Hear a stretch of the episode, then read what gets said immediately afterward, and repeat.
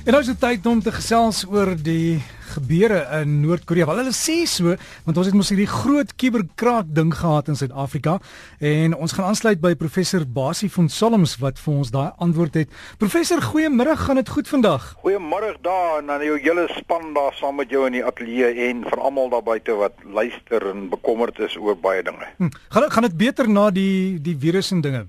Ja, ja uh, en nee, jy weet uh, ek is ek is nou maar soos die luisteraars seker ook maar weet baie paranoïes oor die goed. Hierdie hierdie verlede week se kuberkrakers aanval wat baie baie wyd was, het tot 'n mate afgeneem, maar daar's nog klaar weer baie baie sterk gerugte van die opvolger wat geïdentifiseer is. Jy weet dat hulle beweer dat met die WannaCry virus onthou nou ons het verlede gepraat dat hulle gebruik van hierdie gesteelde uh, uh wapens, kuberwapens wat die Amerikaners ontwikkel is wat hulle laat verlore raak het. En WannaCry hierdie laaste uh, aanval was op twee van daai wapens. Hy uh, twee van daai wapens gebruik. Nou is hulle die volgende een wat hulle nou begin optel het, gebruik sewe van daai wapens. So, jy weet in die algemeen is ek maar baie bekommerd dat dat dit erger gaan raak, maar goed, ons moet maar sien wat daar aangaan. Maar jou verwysing na Noord-Korea vroeër en nou is baie interessant in die sin dat daar begin nou al meer duidelikheid kom dat dit kom van Noord-Korea af. En dat hulle die begin begin het. En ek het bietjie gaan oplees oor die hele situasie. Dis duidelik dat Noord-Korea het 'n ongelooflike gesofistikeerde kuberkrakingseenhede binne hulle weermagte en wat ook al. En hierdie kinders, die die die werklike slim kinders word nou al van van die skool af geïdentifiseer en dan word hulle na spesiale skole toegestuur en spesiale opleiding om regtig eksperte te word in hierdie area. Nou, hoekom wil hulle dit doen?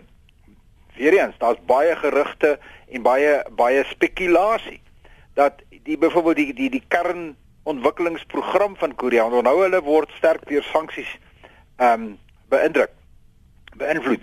Dat hulle hierdie geld steel om hulle program in die gang te hou. Vroeger hierdie jaar of laat verlede jaar is daar 80 miljoen dollar uit 'n bank in Bangladesh gesteel. Hm. 'n hm. Kiberdiefstal en hulle beweer dit kom van daai kippies af.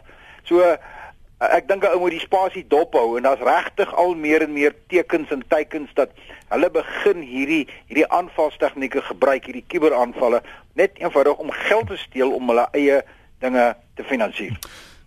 Professor, ek wou nog 'n e-pos aangestuur het, maar ek sal dit bietjie later vandag miskien doen. Daar is nou 'n nuwe ding wat hulle, jy weet, mense wat Wi-Fi in die huis het. Hulle reken omdat dit deur mure en goed gaan is daar sagte ware wat hulle kan kyk wat gaan in jou huis aan. Want die Wi-Fi los skade weer. So as jy weet waar die sein nie val nie, dan kan jy buitelyn trek en sê maar daar staan iemand, daar's 'n kas en sulke dinge.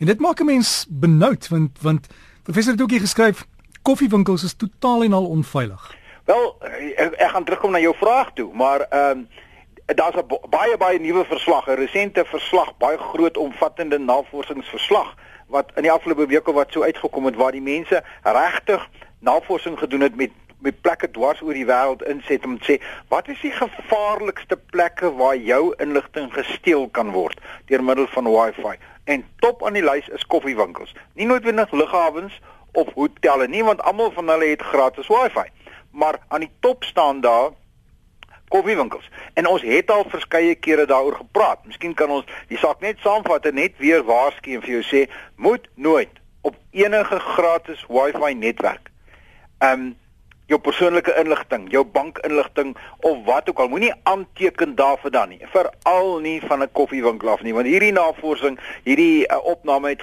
gebleik, dis die gevaarlikste plek en dit word ook gebruik deur die kuberkrakers, nie net om my en jou as individue te vang nie, maar hulle sê baie uh, senior bestuurders van maatskappye gaan sit vinnig daar vir 'n koppie koffie en dan skakel hy aan na sy maatskappy se netwerk toe en hy doen stuur sy e-posse en hy gaan vinnig in die in die maatskappy se stelsels in en dis daar waar hulle hulle groot vet goeders kry. Daar waar die groot vet rotte sit en wag om daai inligting te kry. So wees baie versigtig daarvoor.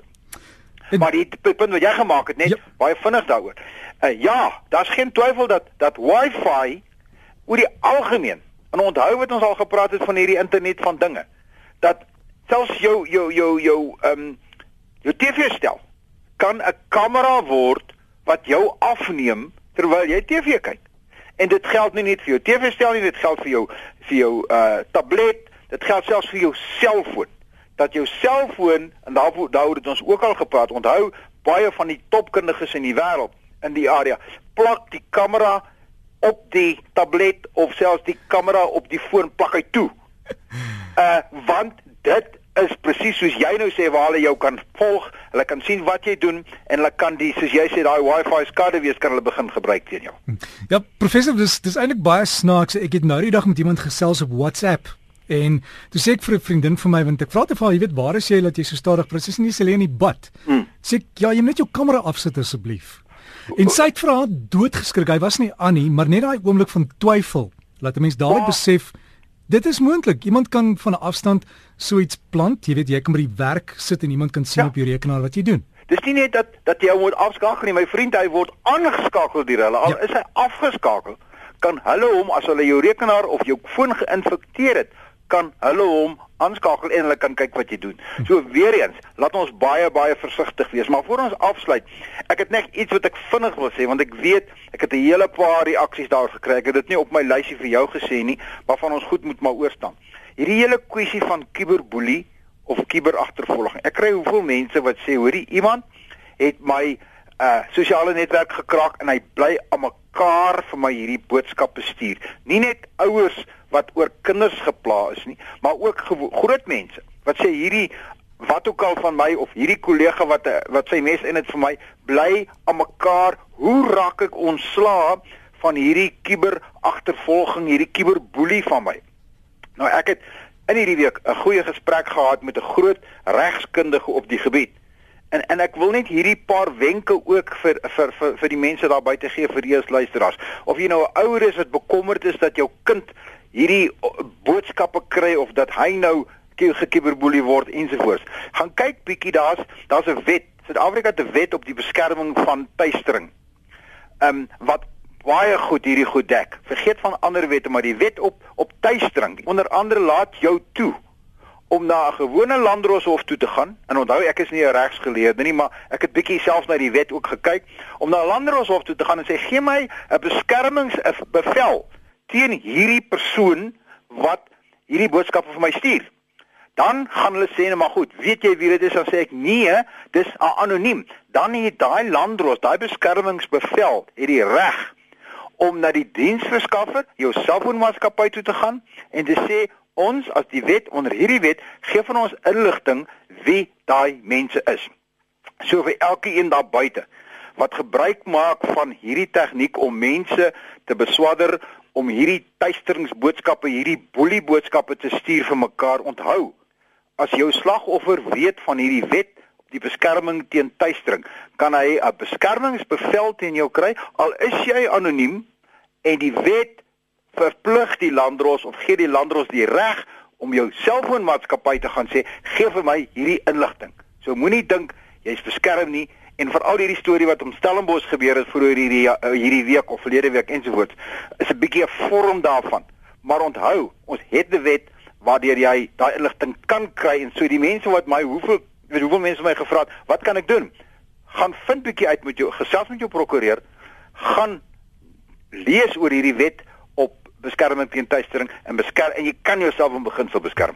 Professor, ons het baie meer tyd nodig gesit, maar ongelukkig jy weet die tyd knyp hierso. Absoluut. cybersecurity.org.za, dis nog die webtuiste, né? Dis www.cybersecurity.org.za, dis die webwerf van die Sentrum vir Kubersekuriteit van die Universiteit van Johannesburg waar ons baie van ons praatjies afgelope jaar is daar en ons probeer maar bysit ensovoorts, maar ek sal spesifiek op die op die webwerf gaan kyk daar www.cybersecurity.org.za sal ek ietsie bysit oor hierdie wet op beskerming teen tuistering.